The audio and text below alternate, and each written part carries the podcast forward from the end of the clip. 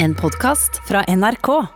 Det har vært debattert helt siden forslaget om et minnested ble lansert, og i dag skal altså kommunestyret i Holi i Buskerud avgjøre om Utøyakaia skal være minnestedet etter terroren i 2011 på Utøya.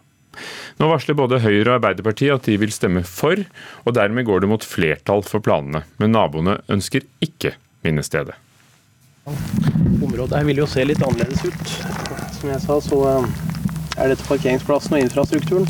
Jørn Inge Andreassen Frøshaug, lederen i Hola Arbeiderparti, viser hvor det nasjonale minnesmerket etter 22.07-terroren er tenkt at skal plasseres.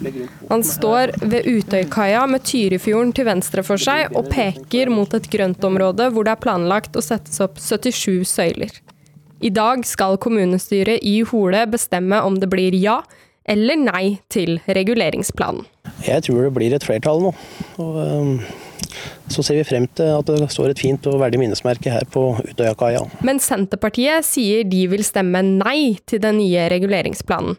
Anita Gromnes er varaordfører i Hole og forklarer at de ønsker å beholde planene som allerede foreligger, og pengene som ligger i det nye prosjektet, de vil de at settes i et fond. Og at det utarbeides et mandat, og fondet øremerkes da til å øke livskvaliteten til de ungdommene som bør ramme på Utøya 22.07. Gromnes trekker også frem at flere av naboene reagerer på at minnesmerket skal være på Utøykaia. Advokat Ole Hauge Bendiksen representerer Utstranda Vel. Han sier at hans klienter er engstelige for hvilke psykiske skadevirkninger dette minnesmerket kan ha. Eh, og det å sette opp et minnested, særlig de dimensjonene vi her snakker om, på Utøyakaia, det vil kunne være et svært eh, Svært, det vil kunne skape en stor risiko for mer skade, mer psykiske skadevirkninger for, eh, for mine klienter. Pål Pedersen, statssekretær i Kommunaldepartementet, svarer at dette har vært en lang og grundig prosess som har vart over flere år, og at de har vurdert alle hensyn. Men i sånne sammenhenger så må man vekte argumentene mot hverandre. Og vi har kommet til at eh, den mest eh, verdige og beste plasseringa vil være å legge minnesmerket på Utøyakaia. Men nabo Terje Lien mener at det blir en psykisk belastning å få minnesmerket nærme huset sitt. Så vi er ikke mot minnested, eller minnesmerket. Det er vi ikke mot. Vi er mot plasseringa. Lisbeth Kristine Røyneland, leder for støttegruppa etter 22.07, har forståelse for at naboene ikke vil bli minnet på hendelsene hver dag. Men på den annen side så ligger Utøya der. Og vi som er sterkest berørte, vi blir også, selv om vi ikke bor i Hole, så er jo vi også minnet på det hver dag. Eh, vi må kunne hedre de som ble borte den dagen, og, og, de overlevende og de frivillige hjelperne på en fin måte ved et nasjonalt minnested nettopp på Utøykaia. Og Frøshaug i Hole Arbeiderparti mener at det er tatt hensyn til naboene i den skjermingen som er planlagt. Nei, Jeg mener de er tatt veldig godt hensyn til. Det ser man på disse illustrasjonene. Så det kommer til å stå et veldig pent og verdig minnesmerke her. Så håper jeg at det blir en fin sameksistens mellom minnesmerk minnesmerket og de naboene som bor her. Og Reporter var Maiken Svendsen, som vi hørte i reportasjen, men også Oda Elise Svelstad og Helga Tunheim. Skal høre litt mer om stridens kjerne, men aller først kulturkommentator i NRK Agnes Moxnes. Hvordan skal dette minnesmerket se ut? Det er jo på Utøykaia, altså der hvor ferga over til Utøya går, og der hvor veldig mange ungdommer reddet seg i land 22.07.2011. Eh, det er en sliten, gammel betongbrygge eh, som ligger veldig, altså, ned, helt ned mot vannet, selvfølgelig. Eh, og der skal det da settes opp 77 søyler til minne om de som, som, døde den dagen. Ligger i en, en, en, Jeg tror de er tre meter høye omtrent hver av disse søylene og ligger i en sånn S-formet helt nede i, vannkanten. Men hva er stridens kjerne i denne saken? Stridens kjerne er jo terrorangrepet 22.07.2011. Eh, det samme egentlig som for Y-blokka, som fortsatt eh, er et diskusjonstema. Det er gått eh, ni år, og, fortsatt så er dette opphav til sorg og, og savn, men også til konflikter. Og det er fordi naturlig gang, nok så igangsatte det som skjedde den gangen, et behov for å minnes og hedre, men også gjenoppbygge. Og i kjølvannet av det siste så er det noen ganger gått for fort, og det er tatt avgjørelser som i ettertid ikke har vært kloke nok. Men AUF og støttegruppa ønsker nettopp å ha minnestedet på Utøyakaia. Hvorfor har det blitt så viktig? Jeg tror egentlig det er viktig for veldig veldig mange mennesker i dette landet her å få et nasjonalt minnested. Eh, det skal komme ett i Oslo, det er et midlertidig akkurat nå, og et da på landsiden av Utøya. Det ble bestemt veldig veldig raskt etter 2011. Eh, og eh, det første forsøket på å få til et sånt minnested, det gikk jo som veldig mange husker eh, ikke bra. Det var denne odden ute i Tyrifjorden som da ble foreslått delt i, i to. Og reaksjonene på det var veldig sterke fra mange i, i Hole kommune. Så, så, poenget med dette nye minnestedet har jo vært at det skal plasseres mer diskré, og at uttrykket også skal være mye forsiktigere enn den delte odden på, på Sørbråten. Men denne avgjørelsen politikerne i Holø skal ta i dag, hvor endelig er den? Nei, den, eh, den, eh, er et avgjørende skritt på veien, for å si det sånn. Eh, det kommunestyret skal gjøre i, i Hole i, i, ettermiddag, i kveld, det er å godkjenne reguleringsplanen. Det er et premiss for at man kan sette i gang med den videre prosessen. Og selv om det er, har vært det fortsatt er en del motstand, som vi hørte i denne reportasjen her også, både politisk og, og, blant naboer, eh, så er det nok, så vidt vi forstår, all grunn til å tro at denne reguleringsplanen blir godkjent i dag. Eh, og da er det staten ved, med Kommunal- og moderniseringsdepartementet og Statsbygg som tar over denne prosessen videre. Så det er ikke nødvendigvis en endelig avgjørelse. Kan komme klager fortsatt, eller? Absolutt, og, og det er jo bebudet at det skal reises sak, at naboene vil reise sak mot eh, staten. Eh, og så får vi se hva som skjer. Men det målet nå er jo at man skal åpne dette minnestedet, eller at det skal avdukes 22.07.2021, eh, altså ti år etter. Men hva er det som er avgjørende for naboene her å få til? Nei, Naboene ønsker seg rett og slett et annet sted. De vil at dette minnestedet skal ligge oppe i åsryggen bak dem, hvor, man jo, hvor de jo, altså som kommer mye tettere på hovedveien som riksveien som, som går forbi.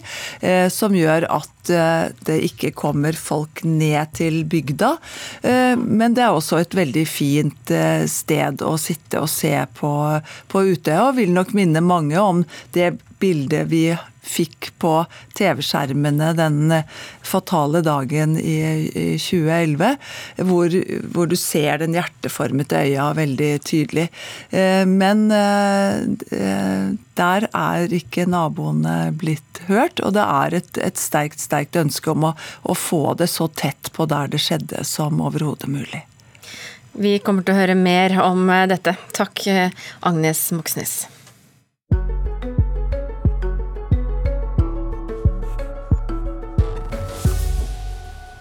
Mange er skuffet fordi det ikke ble noen internasjonal Melodi Grand Prix-finale i år, Eurovision Song Contest. Det ville vært 60-årsjubileet for norsk deltakelse, og vi skal feire det likevel med å hente opp noen saftige skandaler. Hvor store skandaler eh, snakker du om? Ganske store. I 1963 ble det drama rundt Norge da, da stemmene ble avgitt. Norge ble anklaget for å jukse, også oss, da, for å sikre at nabolandet Danmark skulle vinne. Sveits, som kom på annenplass, var helt sikre eh, og leverte inn klage. Men juksa vi? Jeg vet ikke. Eh, vi må vurdere det selv, etter å ha hørt historien som Linda Eide og Sjur Hjeltnes, det er han på piano, skal fortelle. Publikum trodde ikke det de så. Da Norge plutselig ombestemte seg og snudde opp ned på hvem som vant hele finalen. Året er 1963. Jazz er pop. Og inn på scenen under den internasjonale Grand Prix-finalen kommer ekteparet Grete og Jørgen Ingvar med flørtende jazzgitar og fløyelsmjuk vokal i dansevisen. Et solstrøk i en vannpytt, et lille kindkyss er en vind. Sive den nynner at livet begynner sitt spinn. Herlig låt! Nydelig.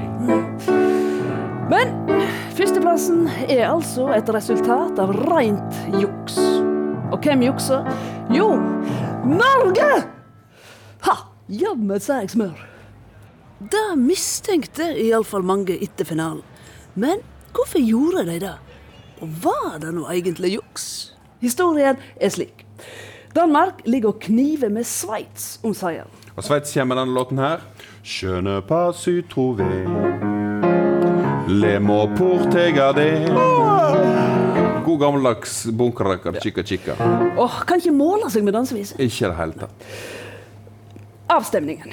Norge kommer tidlig inn og gir sine poeng. Hello, Oslo. May I have your votes, please? Song number three, Switzerland, three votes. Song number four, Denmark, two votes. Det en skal merke seg, er at Norge gir altså tre poeng til Sveits og to poeng til Danmark. Poengene blir lagt til på tavla, og alt ser bra ut, men Katie Boyle i studio i London er ikke helt fornøyd med den formelle måten Norge har gitt poeng på. Well, hold on, Norway. Hold on, Oslo. Just one moment. I'm afraid I shall have to give, ask you to give those words all over again. Så hun sier 'We come back to you later, Norway'. Men poengene er altså ført opp på tavla. Og later, når avstemningen er ferdig, egentlig, så er det altså slik at Sveits har 42 poeng, Danmark har 40 poeng. Så Sveits har egentlig vunnet. Men Norge skal gi sine stemmer en gang til, helt formelt. Oslo, would you please come in and repeat your votes, please? Yes, hello, London. This is Oslo. Here are the votes of the Norwegian jury. Og da må nok den norske juryen ha hatt møte på saken, for nå gir de altså bare ett poeng til Sveits istedenfor tre. Og til Danmark gir de fire istedenfor ett. Song number eight, Denmark, four votes. Song number ten, Switzerland, one vote. Det går et gisp gjennom salen, så BBC annonserer freidig og kjekt at nå er vinneren dansevise. Dansevise. Det ble skandale. Men det var ikke juks. Det var rot. Det sa han seinere, jurymedlem Olaf Kjell Vatnegard. Men at Norge stemte for at Danmark skulle vinne, det var helt rett. Du vet Det er sånn med østeuropeiske land i dag, at de stemmer på hverandre. vet du. Og vi som ikke hadde peiling på musikk, vi, de, vi brydde oss ikke om melodien. Vi syntes alt var like dårlig. vet du. Så vi bare eh, hadde mest sympati for Danmark.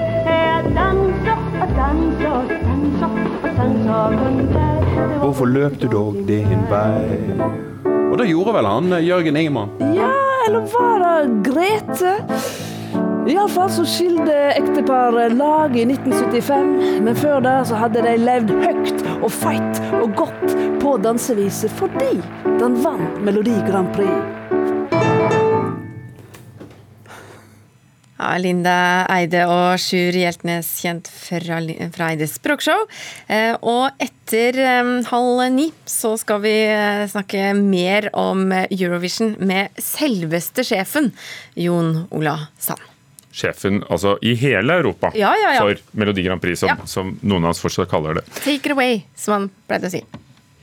Det er kinopremiere i morgen, tro det eller ei. Det er premiere på kinoene, og en av filmene som kommer, er den polske filmen Corpus Christi. Kristi legeme. Den var Oscar-nominert tidligere i år, og nå er den klar altså, for kinoene. Og, og med, Er vi klare for den? Det burde vi kanskje være, ifølge vår kritiker. Den handler om en straffedømt ung mann som utgir seg for å være prest i en liten landsby i Polen. En knallsterk film med rått skuespill, ifølge Birger Vestmo.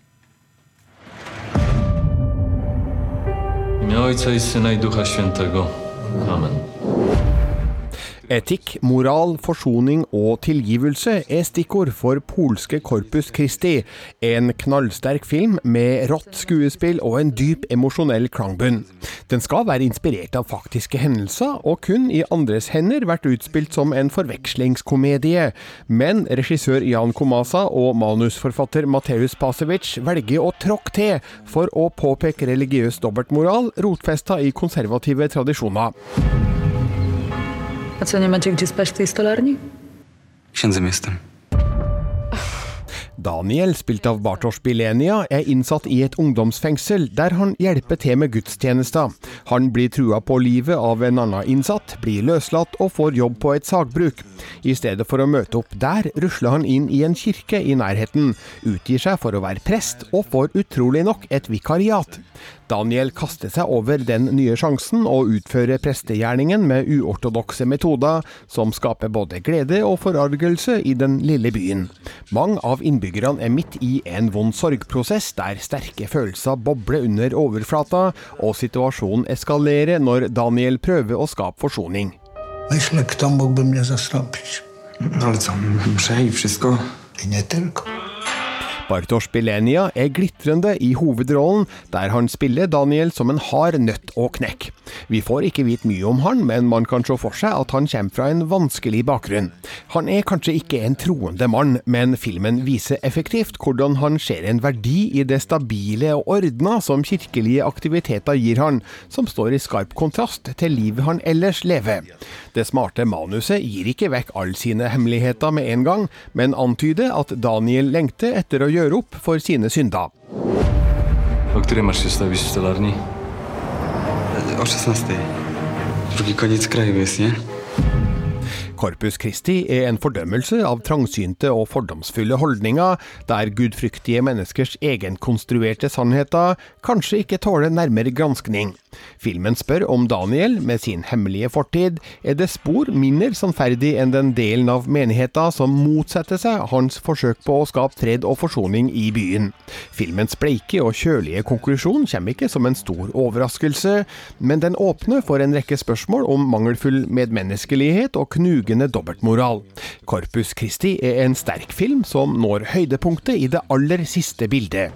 Et visuelt primalskrik som i overført betydning gjør det tydelig hvordan samfunnet responderer på hovedpersonens forsøk på å bli et bedre menneske. Korpus. Terningkast fem. Christi, den polske Oscar-nominerte filmen, på kino i morgen og på Filmpolitiets sider på nrk.no så kan du lese alt om flere av ukens premierer og, og nye TV-serier også.